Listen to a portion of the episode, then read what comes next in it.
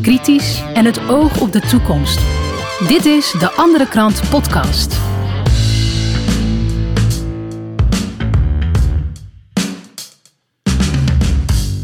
Dit is de Andere Krant Podcast.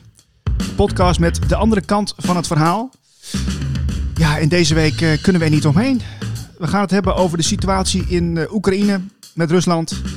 En dat ga ik doen met uh, Erik van der Beek, journalist en schrijft regelmatig voor de krant. Erik, uh, fijn dat je er bent. Dankjewel. Hoe is het met je? Ja, niet zo best. Want uh, ik trek het me wel erg aan wat er allemaal gebeurt. Is niet best. Nee, is niet fijn. Is verschrikkelijk natuurlijk wat er in Oekraïne nu gaande is.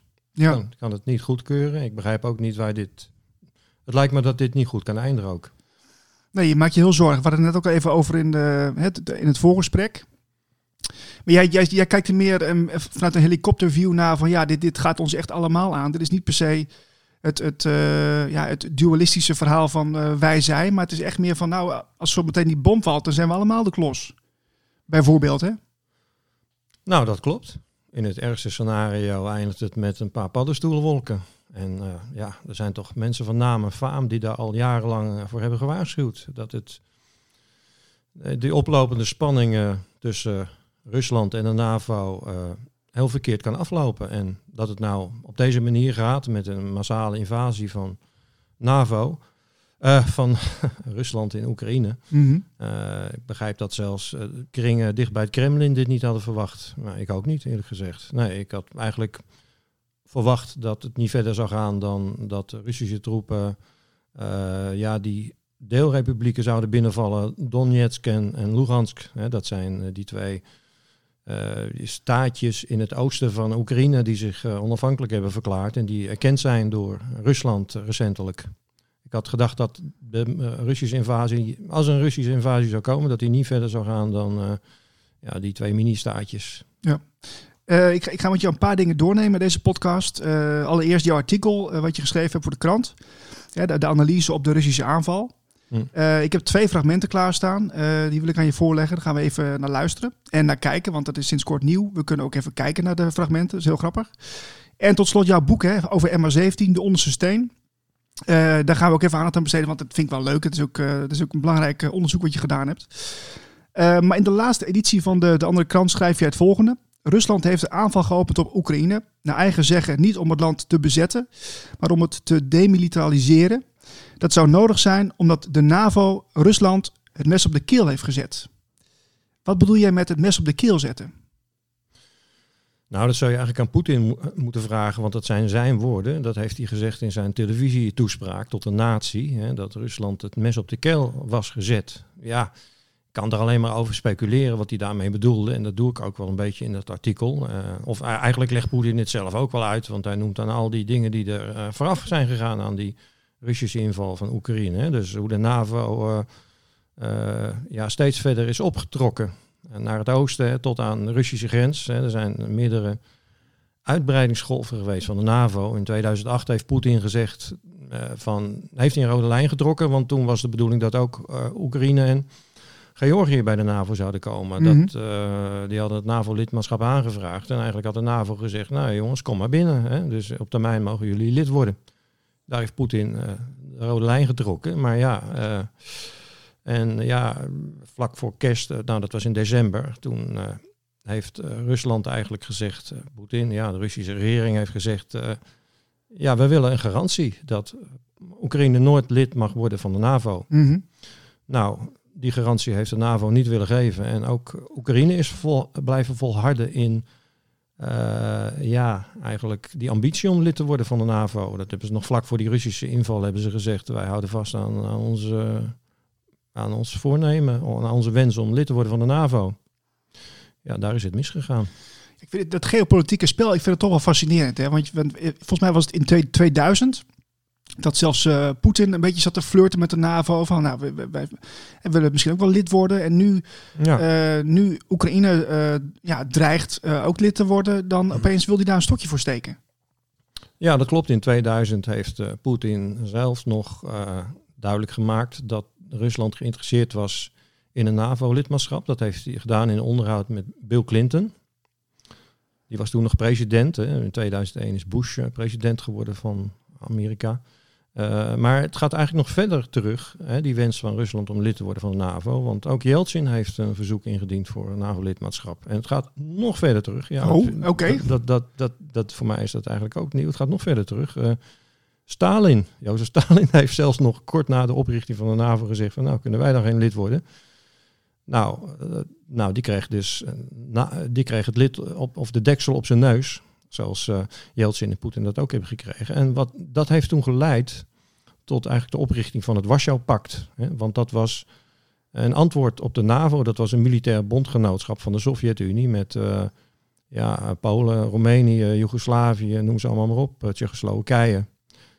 Um, ja, dus het is voor mij ook wel een signaal dat die NAVO eigenlijk helemaal niet zo geïnteresseerd is in de veiligheid in Europa. Die NAVO lijkt meer geïnteresseerd te zijn in, uh, in ja, Rusland van, van, ja, uh, moet je zeggen, om Rusland tot vijand te houden. Ja, want de, de, laatste jaren zie je toch echt wel dat er steeds meer landen bij de NAVO zijn bijgekomen. Hè, die, die mhm. voorheen misschien Russisch gelieerd waren. Mm Dus als we dan een beetje in, in, de, in de geest van Poetin zouden kruipen, ja, ziet hij dat dan echt als een soort verlies of, of, of gaat het te ver? Nou, je ziet het als een bedreiging. Dat heeft hij wel duidelijk gemaakt. En uh, dat hebben trouwens tal van analisten, uh, zowel in Rusland als in Amerika, overal in de wereld duidelijk gemaakt dat het uh, ja, dat Rusland zich bedreigt. dat het voor Rusland een bedreiging is, die, die uitbreiding van de NAVO. En ja, je kan daar ook wel in komen. Want kijk, in, als je nou kijkt, um, Roemenië en Polen. Kijk, ik moet hiermee, ik moet even teruggaan naar George Bush, George W. Bush, de zoon van George Bush junior, mhm. die heeft het ABM-verdrag opgezegd. Dat was het uh, Anti-Ballistic Missile uh, verdrag. En dat was een verdrag gesloten destijds nog tussen de Sovjet-Unie en, en, en, Amerika, dat er geen raketten ingezet mochten worden die bedoeld waren om andere raketten neer te halen. Uh, uh, omdat, ja, dat kan natuurlijk een schijnveiligheid wekken. Hè? Dus dat jij uh, je, dat je een schild gaat opstellen vanuit het idee, ja, dan zit ik zelf lekker veilig. Dan kan ik zelf raketten gaan afschieten zonder dat ik ze terugkrijg. Ja, ja, Dus dat, ja, Bush heeft dat, Amerika heeft toen, ik weet dan niet meer precies in welk jaar, maar dat was dus tijdens de regeringstijd van George W. Bush hebben ze de Amerikanen dat ABM-verdrag opgezegd. En dat was eigenlijk bedoeld om raketten op te stellen in Polen en in Roemenië. Die zijn uh, daar later ook uh, opgesteld. Dat was eigenlijk het Star Wars project van Reagan. Oh, daar heb je okay. misschien wel van gehoord. Uh, ja. Want dat eigenlijk, ja, wat George W. Bush heeft gedaan, wat Reagan zich eigenlijk had voorgenomen en waar hij waar die toch van afgezien heeft. Nou, dat is alsnog uitgevoerd eigenlijk onder George W. Bush. ja, een raketschild eigenlijk. Um, maar ze zei, de Russen zeiden, ja, maar tegen wie is dat dan gericht? En toen zeiden ze, ja, dat is tegen Iran gericht. Ah, dus uh, de schurkenstaat, maar de Russen hebben daar nooit in geloofd. Want toen Poetin heeft gezegd van, uh, maar kunnen wij daar misschien dan niet aan deelnemen? Daar zijn wij ook al in geïnteresseerd. Natuurlijk, ja. Ja, nou, toen hebben de Amerikanen gezegd, nee, jullie mogen daar niet aan meedoen. Dus nou, toen was voor de Russen duidelijk, ja, dat dit schild is niet uh, tegen Iran bedoeld, het is tegen ons bedoeld dus voor de Amerikanen en voor de NAVO-landen om zich lekker veilig uh, te voelen. En, en ja, zelf misschien een aanval te kunnen lanceren zonder raketten terug te krijgen. Uh, en ja, wat de Russen ook hebben gezegd, Poetin heeft dat ook al gezegd in interviews, dat de Russen eigenlijk niet geloven dat, dat, uh, ja, dat die raketten die opgesteld zijn in Polen, en, en, of moet je zeggen die raketinstallaties die zijn opgesteld in Polen en uh, in, in Roemenië, dat die zuiver defensief zijn. Want de Russen zeggen, die installaties, daar kun je niet alleen defensieve raketten kun je daarop zetten, maar ook offensieve raketten, dus aanvalsraketten. Hmm. En uh, ja, dan moet je voorstellen, kijk, nu zijn Polen en Roemenië geen buurlanden van Rusland, dat is Oekraïne wel. Stel je voor, Oekraïne zou NAVO-lid uh, NAVO, uh, worden dan zouden daar ook dat soort raketten opgesteld kunnen worden. En ja, die, dan hebben de Russen bijna geen tijd meer om te reageren als, je, als ze een raket op zich afgevuurd krijgen. En dus de, Poetin heeft daarvan in zijn televisietoespraak ook gezegd van ja, zo'n raket afgevuurd vanuit Oekraïne, uh, vanuit Uh, Oekraïne, die kan uh, het, het, hele Europese deel van Rusland bereiken binnen een paar minuten. Ja, maar ik vraag me dan wel een beetje af, landgrenzen, maakt, maakt het die nog wat uit dan in, in, als het gaat om dat soort technologie? Of, of, ja, nou, ja, dat maakt wel iets uit, omdat het gaat dan om de reactietijd. Hè? Van, van als, als je een raket op je af ziet komen, uh, hoeveel tijd heb je nog om daarop te reageren, om die raket neer te halen of om ja, überhaupt uh, te begrijpen, is dit, uh, om, je moet, als je iets op je af ziet komen, het beste is natuurlijk om even contact op te nemen met de andere kant. Hè? Dus, hè, dus met de NAVO, van ja. is, dit, is dit een aanval op ons? Hè? Dus dat er even een red line telefoontje gepleegd wordt. Ja, als zo'n raket heel dicht opgesteld staat bij de Russische landsgrenzen, en die wordt gelanceerd, ja, dan heb je eigenlijk bijna geen tijd meer om een goede analyse te maken en om snel te beslissen, om een goede bes bes beslissing te nemen. Ik herinner me dat in de jaren negentig is uh, onder Yeltsin, Boris Yeltsin, die was toen president van Rusland, dat het ook een keer bijna mis is gegaan. Want toen was er een vals alarm. De Russen dachten dat er iets op hen afkwam, een projectiel. En, uh, en uh, ja, er wordt gezegd dat Boris Yeltsin heeft toen echt het kastje in zijn handen gedrukt gekregen. Dat hij een beslissing moest nemen. Dus door je knop, uh, ja, dat is niet echt een knop waar je op kunt drukken natuurlijk. Dat, is iets met een code. Een soort filmscène zie ik voor me. Zo'n zo ja. kastje. ja, dat, is echt, ja, ja. dat is echt gebeurd, zoiets. Ja, ja, ja. Dus hij, er, werd iets, er kwam iets op Rusland af, dachten ze. Um, eh, maar dat bleek een Noors uh, weersatelliet die gelanceerd werd, waar de Russen niet vooraf over waren geïnformeerd. Ja, dus um, ja, het is kostbare tijd. Als jij denkt dat er een aanval op jou geopend is, ja, is het een, is het een vals alarm of niet? Ja. En dan moet je kunnen overleggen met de andere kant. Hè? Dus in dit geval uh, Rusland en NAVO moeten met elkaar kunnen overleggen. Ja, als, ja, nee, ik, ik snap hem. Ik, ik, wil even naar het jaar 2014. Want dat is wel een vrij cruciaal jaar volgens mij voor Oekraïne. Want er zijn nu, nu dus uh, twee volksrepublieken uh, zijn uitgeroepen. Of die zijn in ieder geval uh, erkend. Donetsk en Luhansk hè, door, door Poetin. Mm. Maar in 2014 hadden deze provincies zich al afgescheiden van Oekraïne, begreep ik. Mm. wat, wat is er eigenlijk gebeurd in, in, die, in die periode? Kun, kun je dat een beetje van ons samenvatten? Ja, dat is lastig om samen te vatten, want er is echt heel veel gebeurd. Maar heel kort gezegd, er is in Kiev een, staatsgreep gepleegd door nationalisten. Anti-Russische nationalisten kun je wel zeggen. Hè? Want uh, er was op dat moment een president in Oekraïne, Yanukovych. En die probeerde toch een soort evenwicht te bewaren tussen uh, de Europees gezinde uh, krachten in zijn land en de, ja, de, meer op Rusland georiënteerde krachten in, zijn land. En um, ja, zelf zie ik eigenlijk niet waarom Oekraïne. Uh, ik denk dat Oekraïne beter af geweest was als neutraal land. Dus als land dat, ja, het had een hele mooie brugfunctie kunnen vervullen tussen Europa en Rusland. Of eigenlijk tussen Europa en Eurasië. Mm -hmm. Maar ja, de, de, de, de anti-Russische nationalisten die hadden er een andere agenda. Um, die hebben ja, ik denk met behulp van de Verenigde Staten hebben ze de macht overgenomen. Die president Janukovic is verjaagd. En trouwens, dat het een koep is geweest, dat is wel zeker. Uh, of een koep, dat het een koep is geweest waar de Amerikanen bij betrokken waren, is wel zeker. Want er is dat beroemde telefoontje van Victoria Nuland. Dat was de Amerikaanse ambassadeur bij de eh, Europese Unie. En de Amerikaanse ambassadeur in Kiev, Payet, moet ik de voornaam even vergeten. Uh, Payet heette die. En uh, dan hoor je echt dat ze bezig zijn gewoon een nieuwe Oekraïnse regering te formeren. Dan bespreken ze gewoon de namen van ministers. En vind jij dat hij uh, minister van Buitenlandse Zaken moet worden? Of wat vind je van die, wat vind je van die? En dat telefoontje is ook beroemd geworden. Dat, dan hoor je zeggen op een gegeven moment Victoria Nuland, fuck de EU. Hè, dus dat, oh. dat is eigenlijk vindt, ja, die EU heeft zich helemaal niet, de Europese Unie heeft zich helemaal niet te bemoeien nee, met nee, hoe wij de regering van Oekraïne hier samenstellen. Uh, dat telefoontje is, op, is, opgenomen, is afgeluisterd, opgenomen, is uh, op YouTube gezet. We weten niet door wie. Het zal wel door Rusland zijn geweest.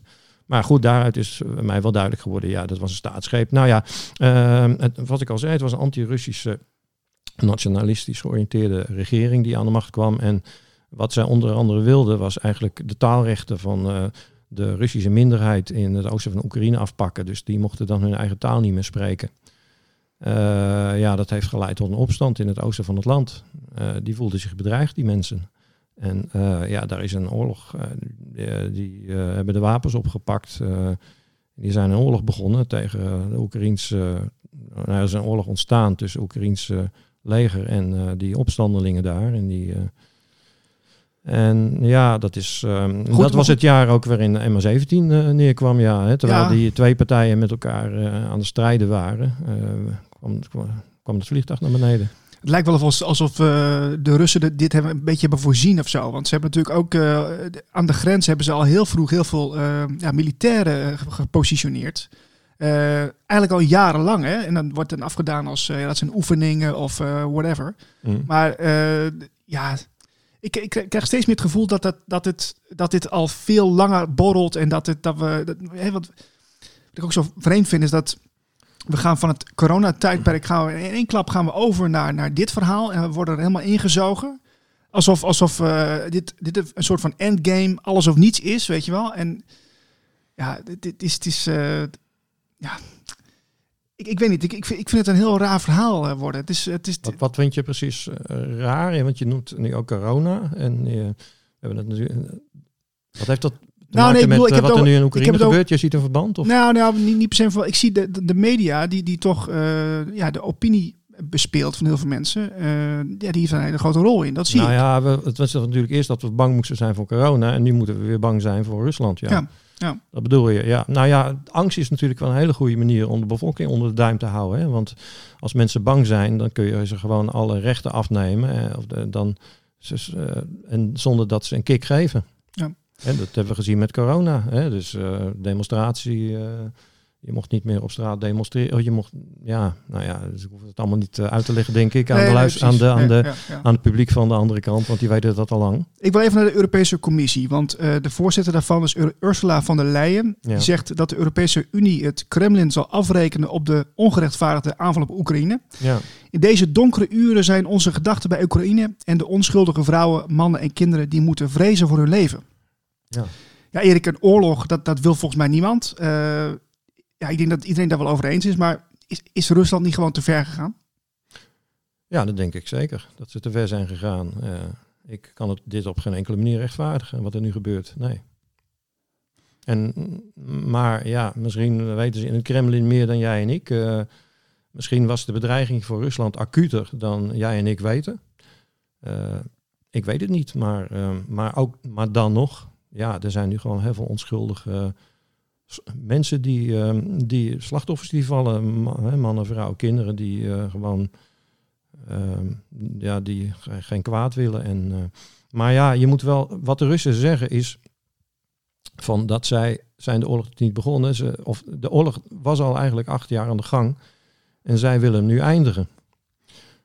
En dat, dat is natuurlijk ook wel zo. Hè. Die oorlog, ja, dat is gewoon een feit. Die oorlog, het was een bevroren conflict op het laatst. Maar ik bedoel, dus er waren natuurlijk al iets van 15.000 mensen, uh, slachtoffers gevallen. Ook heel veel onschuldige slachtoffers. Hè. De, vooral onder de etnische uh, Russische minderheid in het oosten van Oekraïne. Ja, ja, en, ja. Maar daar was in, is in het westen is er eigenlijk niet of nauwelijks aandacht voor, aandacht voor geweest. Maar nu, uh, er waren geen, ik heb geen, ik, heb daar, ik kan me niet herinneren dat ik daar bij Nieuwsuur of uh, bij een andere actualiteitenprogramma, dat ik daar beelden van heb gezien. Van mensen in schuilkelders of van de lijken op straat. Ja, maar dat, dat bedoel ik ook. Hè? Dus dat, dat is opeens full spot on op, op, dat het conflict. En ja, maar, maar dat, het speelde dus al langer. Dat, dat vind ik dus af. Ja, ik kan me voorstellen dat heel veel mensen dit, ja, dit, dit zo onverwacht vinden. Van, oh, nu is er weer dit. Ja, nou ja, wat er nu is gebeurd is natuurlijk wel veel drastischer dan wat er voorgaande jaren is gebeurd.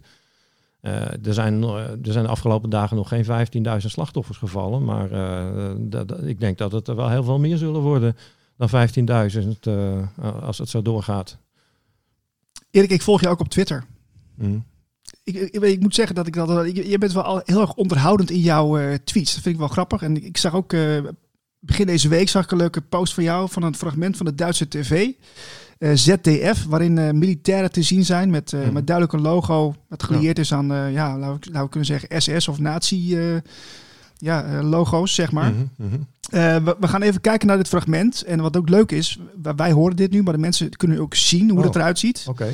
Okay. uit 2008 volgens mij, dat fragment. Um, en dat wil ik eventjes uh, tonen om, om het volgende 2000, in te leiden. 2008, ik denk 2014 of 2015. Oké, okay. ja, ja. okay. we gaan er even naar kijken en luisteren. Die Nachrichten des Tages. Heute mit Christian Sievers. Und dem, was wichtig ist an diesem Montag. Ich begrüße Sie ganz herzlich und Norbert König kümmert sich nachher um den Sport. Ja, auch um ein bisschen Tennis. Guten Abend.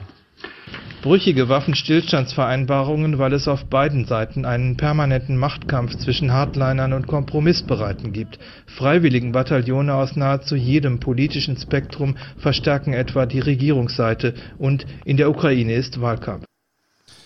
Ja, ik, ik, ik moest toch wel even. Ik, ik schrok toch wel eigenlijk van dit bericht. Uh, ja, je denkt van oh, gewoon een, een, een journaal uh, in Duitsland. En dan zie je gewoon die, die, die, die, ja, die duidelijke logo's op, uh, op de zijkant van die, van die pakken. De Azov-brigade is dat. Um, Azov-bataljon, ja. Ja, hoeveel, hoeveel invloed hebben de, deze rechtsextremistische groeperingen? Heb je daar enig idee van? Ja, ik denk dat ze niet meer zoveel invloed hebben als, als ze hadden. Want er is van, vanuit het buitenland wel druk geweest op Oekraïne om daar een einde aan te maken. Maar uh, ja, je moet weten, Oekraïne heeft wel een geschiedenis met het nazisme.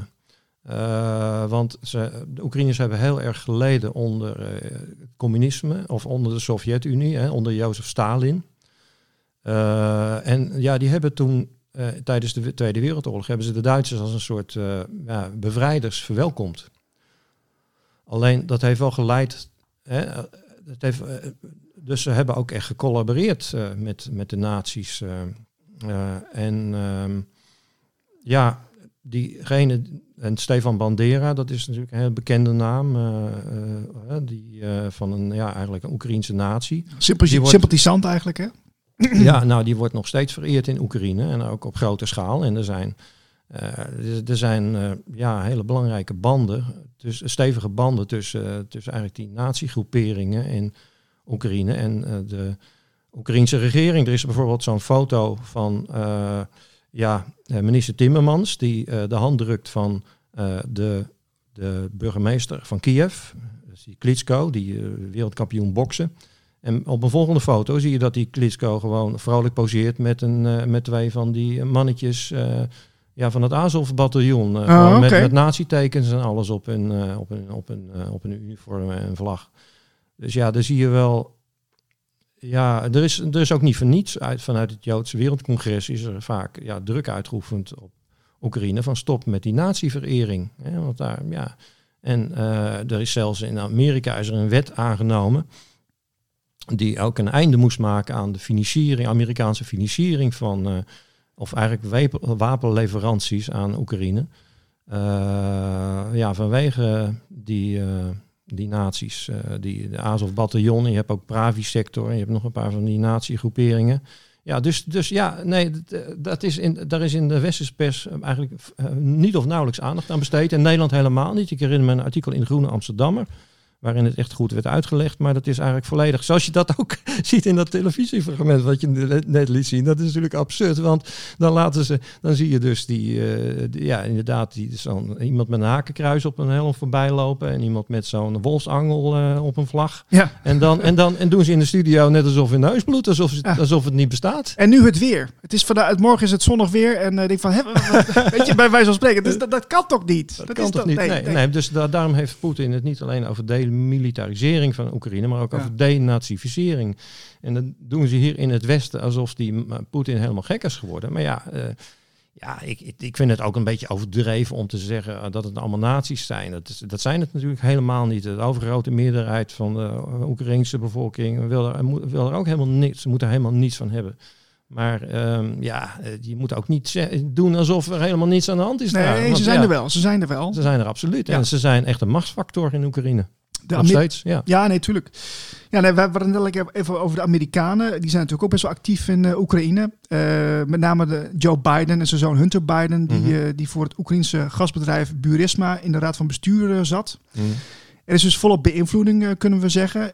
in hoeverre spreken we dan nog over Oekraïne? Want wat, wat, wat is dat voor een land? Het is toch eigenlijk aan alle gaatje antwoorden? Of hoe zie jij dat? Ja, ik ben geen Oekraïne-deskundige. Ik ben ook geen Rusland-deskundige. Um, maar ja, ik probeer het land natuurlijk wel te. Ik heb wel geprobeerd de afgelopen jaren om het land te begrijpen. En uh, dat is lastig. Uh, het, is een het is een land, zou je kunnen zeggen, waar de oligarchen een hele grote macht uh, hebben. Um, flinke vinger in de pap. En ja, ze hebben dan nu een Joodse president, maar ze hebben ook een Joodse oligarch, Kolomoisky.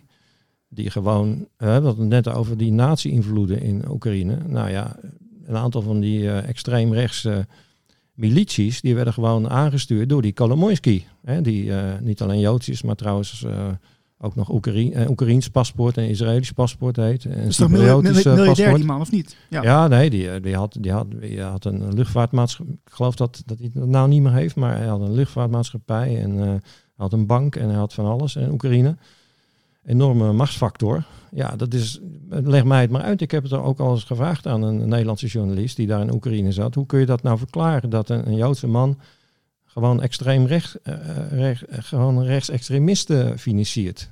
Uh, ja, nou ja, die kon het ook niet verklaren. Nou, de enige manier waarop je het nog zou kunnen verklaren is dat die, die uh, ja, Poetin als een soort arts, artsvijand ziet. Want hij had op de Krim had hij allerlei bezittingen. Ja, die zijn natuurlijk uh, van hem afgepakt toen uh, de Krim ook uh, Russisch werd. Ah, ja. En ja, dus wat hij geprobeerd heeft, is gewoon met al zijn geld die opstand in het oosten van de Oekraïne neer te drukken. En nou ja, goed, als hij daarvoor samen moest werken met nazi's, heeft hij waarschijnlijk gedacht, nou ja, dan moet dat maar, of zoiets. Het, het, wordt, het wordt nou een heel gelaagd verhaal, hè? Het gaat alle kanten op. We gaan even naar het tweede fragment.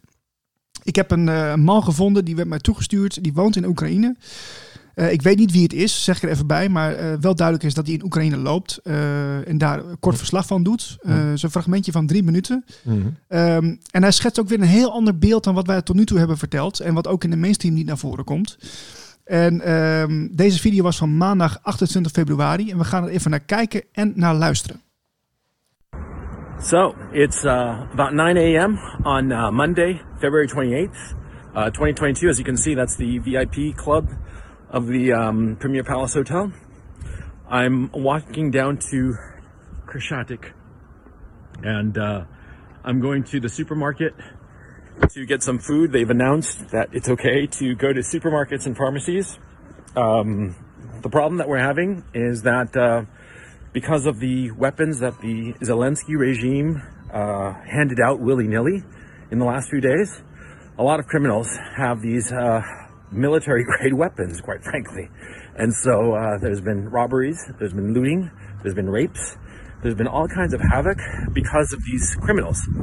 And uh, it's known for a fact that these, uh, that the, a lot of the shooting that went on last night in Kiev had nothing to do with the Russians. The Russians were 10 kilometers or more away from from these shootings, so it was clearly probably gang related, gangs settling scores and uh, shooting one another. Um, that's something that the Western media is not talking about of how the Zelensky regime, by handing out weapons, has uh, basically given weapons to all the criminal elements in the city and uh, the criminal elements in the city are, uh, first of all, figuring out uh, their dominance hierarchy and this anarchy that the government has created. And soon enough, once that's settled, they'll start um, targeting the civilians. That, that's what the uh, Zelensky regime has done. Okay, so so let, us not pretend otherwise. These these people have created, they are creating chaos in Ukraine in the name of, uh, you know, the people fighting against the Russians. It's absurd. It's irresponsible. And it will only hurt the Ukrainian people. And uh, I've, I've come to the conclusion that the Zelensky regime is evil. And, and uh, I live in Ukraine. I uh, have Ukrainian family members. I think that the Ukrainian people are a brave, gentle, and wonderful people. But um, at this time, I think that uh, the Zelensky regime has gone insane and uh, should be uh, no, you know. Anyway, for those people, there have been some people who've claimed that I'm lying about being in uh, Ukraine. As you can see, this is Krishatik Avenue. I'm standing right in the middle of it. Uh, this is probably a first in history. I'm standing right in the middle of Krishatik Avenue, and you can see in the distance everything. And um, yeah. So anyway, I'm sorry if I sound a little frazzled, but uh, you know, I'm actually worried about getting shot, man. Not by the not shot by the Russians or shot by the Ukrainian army, but shot by fucking criminals that the Zelensky regime has armed here in Kiev. Uh, dude, I'm so fucking angry, man. These fuckers have, are creating chaos. And this will not stop the Russians. That's the thing. It will only cause the death of civilians. The death and suffering of civilians so that uh, Zelensky can have a fucking photo op. That's what's going on. Nou Erik, eh, we hebben er weer een dimensie bij. Als we, Mm. als we deze man nou even, even moeten geloven. Hij, hij zegt dat hij in Oekraïne woont. Laten we even aannemen dat dat klopt. Dan zegt hij dus, eh, er zijn dus eh, criminelen in Oekraïne die krijgen wapens aangeleverd door, door het regime van Zelensky. En wat ik dus ook begrijp door, eh, door de Britten, ook door de Amerikanen. Hè, als, we daar, als we dat eventjes doortrekken. En die, die creëren chaos eh, in Oekraïne. Mm. Ja, eh, we krijgen natuurlijk vanuit de Nederlandse media of de westerse media een heel eenzijdig beeld voorgeschoteld. Je, dat is het goed tegen kwaad, de kwade Russen tegen de goede Oekraïners. Ja, en dan en anders, andere geluiden krijg je eigenlijk niet te horen. Ja, daarvoor moet je dan naar het internet, naar zo'n fragment als wij, eh, wat jij net laat horen. Of ook laat zien. Eh, was het nou een video? Is het nou Ja, een video? Of- mensen kunnen het ook zien. Ja. Mensen ja. kunnen, het, kunnen het ook zien, ja. Ehm, maar ja, ik weet niet wie deze meneer is. Eh, het klinkt als een Amerikaan of een Canadees. Ehm, ik weet niet of het een, een journalist is of een, eh, gewone burger die eh, daar in Kiev woont. Eh, alleen, ik weet wel, ja, Zelensky heeft wapens uitgedeeld aan iedereen die, die die wapens maar wilde hebben. En hij heeft ook criminelen uit de gevangenissen vrijgelaten. Ja, dat lijkt mij buitengewoon onverstandig. Ehm, en ja, hij noemt dan het regime van. Hij noemt het een regime, Zelensky. En daar neemt hij ook duidelijk stelling in. Want een regime is slecht. Hè? Normaal gesproken spreek je over een regering Mhm. of over een kabinet. Ja. Eh, maar ja, het is heel, heel verkeerd wat de Zelensky doet, denk ik. Ja, want dit kan natuurlijk. Want ja, wat krijg je in tijden van chaos? Dan krijg je plunderingen, krijg je verkrachtingen, krijg je eh, berovingen of. eh, eh, ja, en, en dat krijg je sowieso in oorlog. Maar zo maak je het natuurlijk alleen maar erger. Door aan iedereen die dat maar wil wapens uit te delen. Dan ook nog aan criminelen die uit de gevangenis zijn vrijgelaten. Ja, en nu, nu, nu zie ik dit fragment. Ik zie, ik zie ook lege straten bij, bij die man. Eh, Mhm. Als ik zelf eh, online ga zoeken naar livestreams van Kiev of van Oekraïne. Tenminste, Kiev, laat ik, laat ik het even op Kiev houden. Ja, dan zie ik ook dat daar eigenlijk niet zoveel gebeurt. Maar goed, misschien dat ik net naar de verkeerde livestreams ga. Maar goed, eh, kijk, oorlogstijd is natuurlijk anders dan... eh, dus ik snap wel dat heel veel mensen, mensen binnen blijven. Dat begrijp ik wel.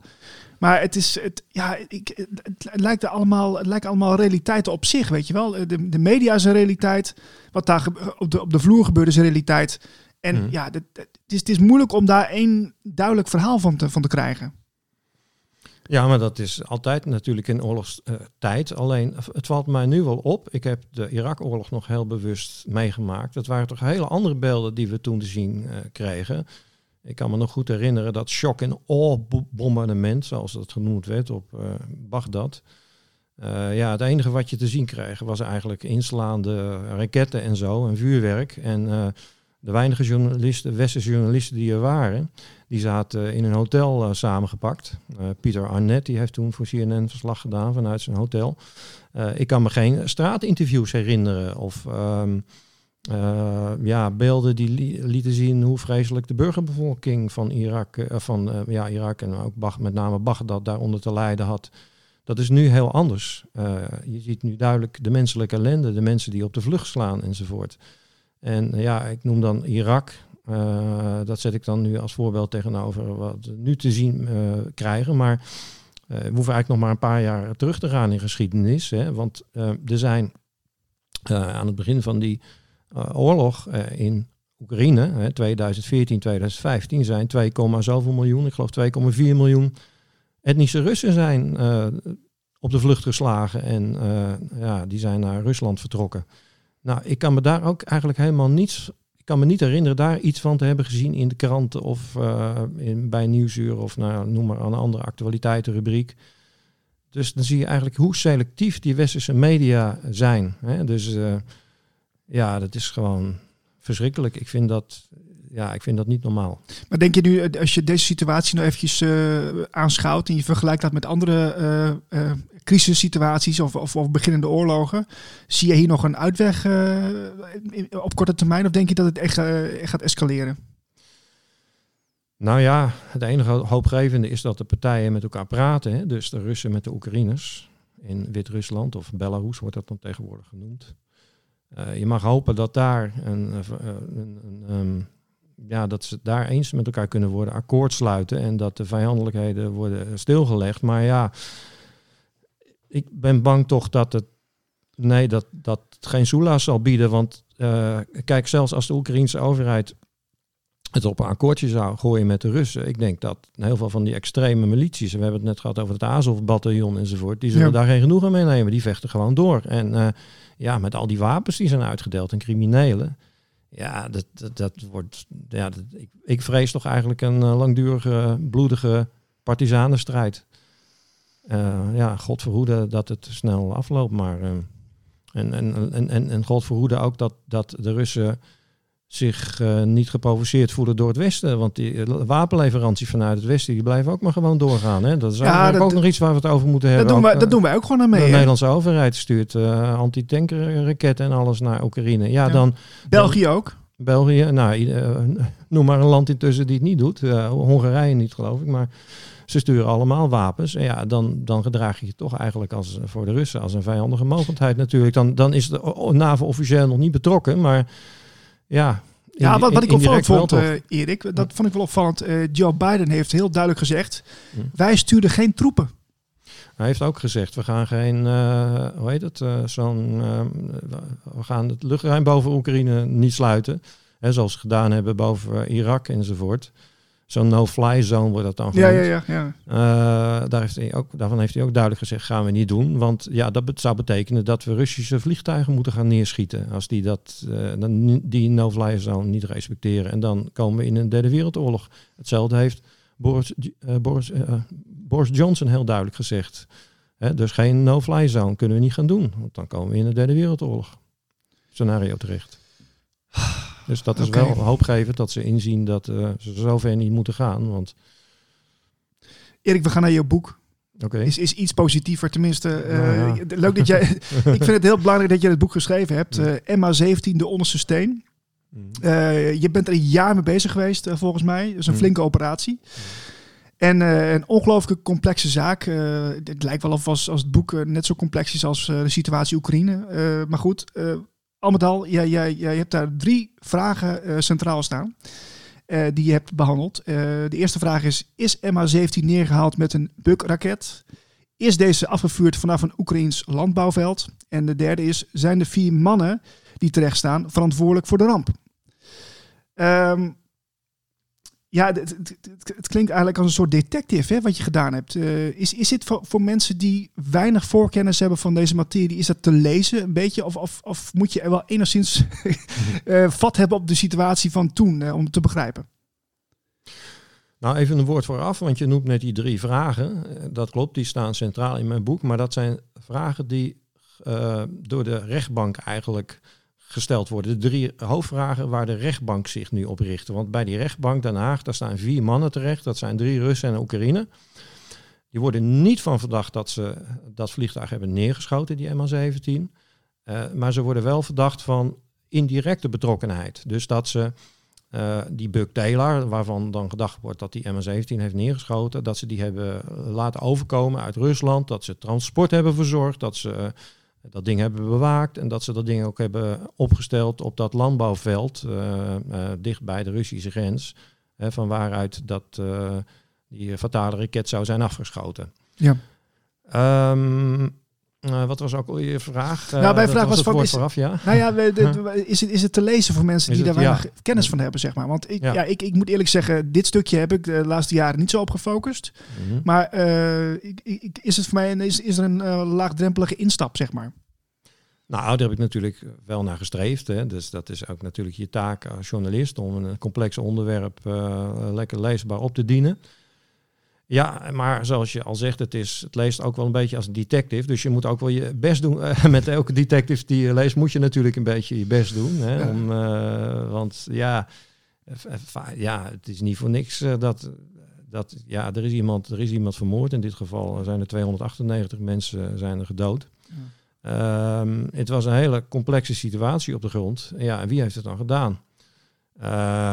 ja, het is een, dik boek geworden. Dus ja, dit is niet in, in drie pagina's samen te vatten of zo. Nee. Nou, maar kijk, ik, toen we dit gesprek begonnen, je vertelde ook wel dat je eigenlijk een beetje ontgoocheld bent deze tijd. Tenminste, zo, zo heb ik dat ervaren.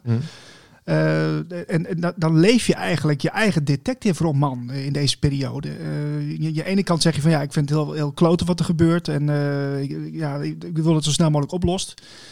Ja, aan de andere kant, het is wel de realiteit. We moeten er wel mee dealen. Dus het is ja, goed, ik, ik heb er niet echt een vraag bij, maar het is meer van dat mij dat zo opvalt van ja, de, de, ontgoocheling bij jou. Mm nou ja, de ontgoocheling is dat er eigenlijk uh, jarenlang gewaarschuwd is voor mensen van naam en faam. Uh, daar hoor ik zelf natuurlijk niet bij als iemand van naam en faam, maar dan heb ik het over Henry Kissinger, dat is een voormalige minister van Buitenlandse Zaken van president Nixon. Dan heb ik het over Noam Chomsky, natuurlijk een grote Amerikaanse intellectueel. Ja, nou ja, dus talloze mensen van naam en faam die hiervoor gewaarschuwd hebben. Ja, in Nederland heb ik dan zelf een, een bescheiden bijdrage gedaan. Uh, nou, ik denk zeven jaar lang. Hè, dat ik geprobeerd heb om een beetje begrip te wekken voor de situatie van Rusland. Dat ze zich echt bedreigd voelen. Dat we toch echt eh, ons best moeten doen om die, uh, die Russen een beetje te begrijpen. En dat we, ja, dat als je altijd maar de ander als een vijand blijft beschouwen, dat hij zich dan op een gegeven moment ook zo gaat gedragen natuurlijk. Ja, ik ben wel echt ontgoocheld door, uh, door uh, ja, er is, niet, er is niet geluisterd naar het geluid van de mensen, de gematigden, zeg maar, onder ons.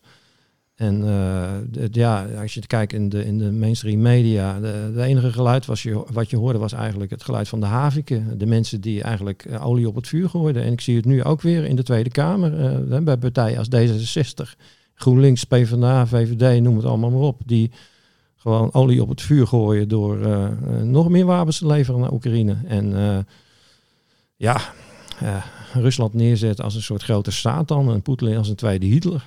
Ja, ik, ik heb er geen woorden voor. Ik, ik ben er wel redelijk kapot van, ja. Ja, dat snap ik, ja. ja. Wat, wat is, als je één ding mag noemen, hè, wat is het meest opvallende wat je, wat je in het boek brengt?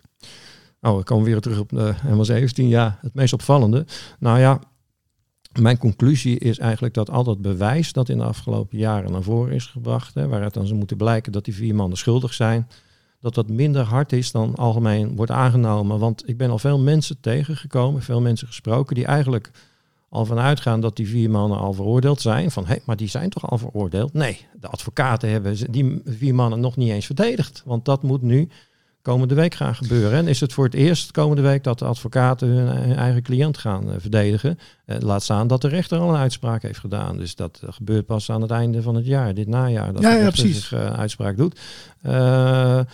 ja, dan, dan denk, kan, kan ik me voorstellen dat mensen die mijn boek lezen, dat ze toch van de ene in de andere verbazing vallen. want ja, nou ja, om maar eens wat te noemen. de, hè, iedereen kent waarschijnlijk wel die afgeluisterde gesprekken van de separatisten, waarin ze bespreken dat ze bezig zijn hè, een, eh, een bucktail te vervoeren. Dat ding dat dan die M17 zo hebben neergeschoten. Mhm, ja. ja. die gesprekken zijn in al die, al die jaren nooit eigenlijk, daar is nooit een technisch onderzoek eh, naar gedaan.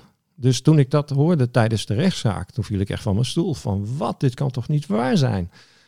Hè, dan, dan, we zijn gebombardeerd met al die, in de loop der jaren met al die telefoongesprekken, het een na het ander. Uh, dat je inderdaad ook, uh, ja, dus ik kan me ook heel goed voorstellen dat mensen het ook gewoon geloven dat het, dat het een Russische bug is geweest. Want ja, goed. Uh, maar dan, ja, dan blijkt die gesprekken zijn nooit technisch onderzocht op knip, knip- en plakwerk bijvoorbeeld, of op antidatering.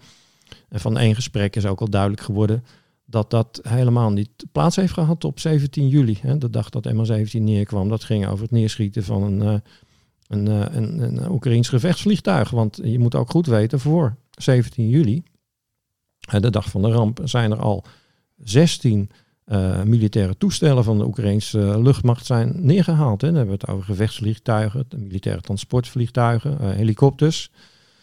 Uh, ja, dus als jij een bandje, een gesprek laat horen over het neerschieten van het vliegtuig.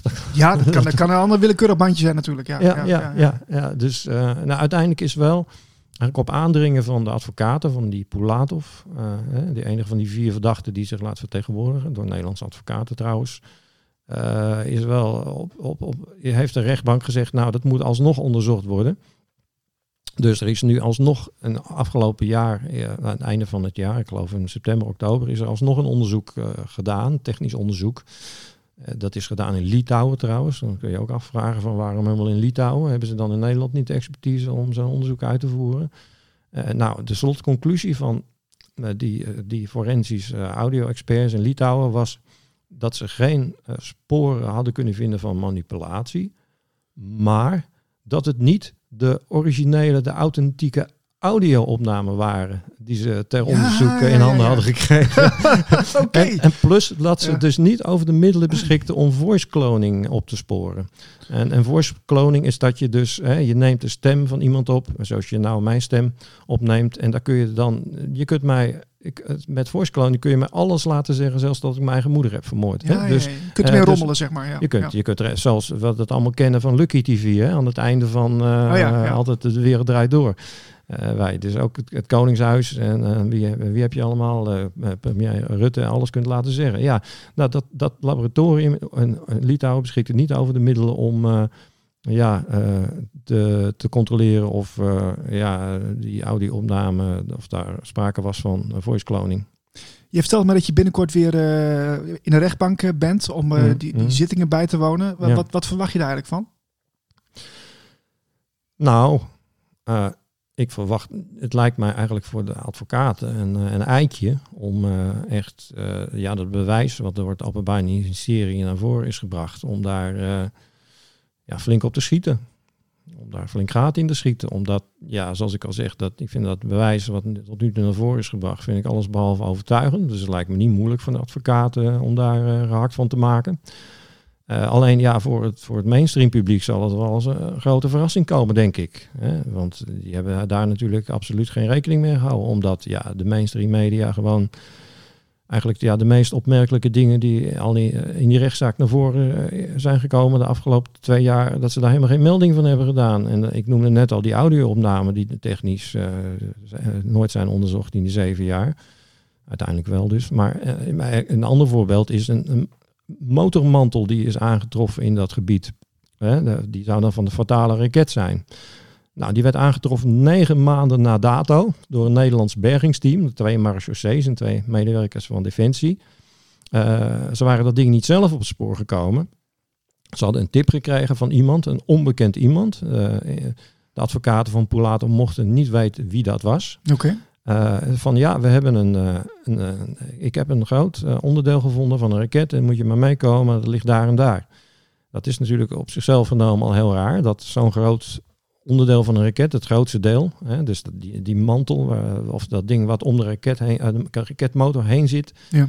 dat dat negen maanden lang in dat gebied heeft kunnen liggen zonder, want er was eerder al een Nederlands bergingsteam geweest. Dat moet, dat, moet, dat moet je toch zien liggen? Dat moet je toch zien liggen, ja. Maar goed, um, dus ja, de, wat, wat de advocaten hebben dus geprobeerd duidelijk te krijgen van wie, uh, wie, heeft, ja, wie is nou de tipgever geweest? Nou, dat mochten ze niet weten.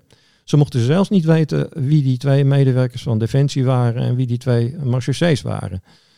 Um, uh, ze mochten wel vragen stellen aan die twee marechaussées en medewerkers van Defensie. Maar dat mochten ze alleen schriftelijk doen, want ze mochten dus die identiteit niet weten van die marechaussées en die twee medewerkers van Defensie. En uh, goed, ze hebben die vragen dus schriftelijk ingediend. En ze kregen antwoorden terug, maar dan gezwart voor een heel groot deel.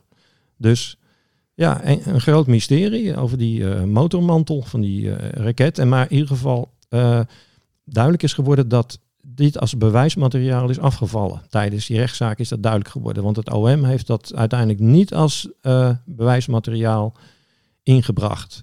alleen ja, opnieuw, daar hebben de kranten dus geen melding van gemaakt. Ja, ja, opvallend dat ze dus dat op een gegeven moment helemaal laten liggen. Hè. Dat was in het begin was er heel veel aandacht voor. Op een gegeven moment dan, dan lijkt het of, of het weg appt of zo. En dat er dan helemaal gewoon niks meer over gezegd wordt. Dat is toch ja, bijzonder. Uh, Erik, dank voor je tijd. We, als mensen er meer over willen weten, moeten ze jouw boek maar kopen, denk ik. Hè? Zeker. Het boek is te koop via uh, www.erikvandebeek.nl. En Erik is met een C. erikvandebeek.nl. MA17, de onderste steen. En eh, we gaan het allemaal lezen. Erik, uh, fijn dat hier even mocht zijn. Graag gedaan. Dankjewel voor het luisteren. Wil jij ook de andere krant bij jou thuis? Bestel hem dan op deanderekrant.nl.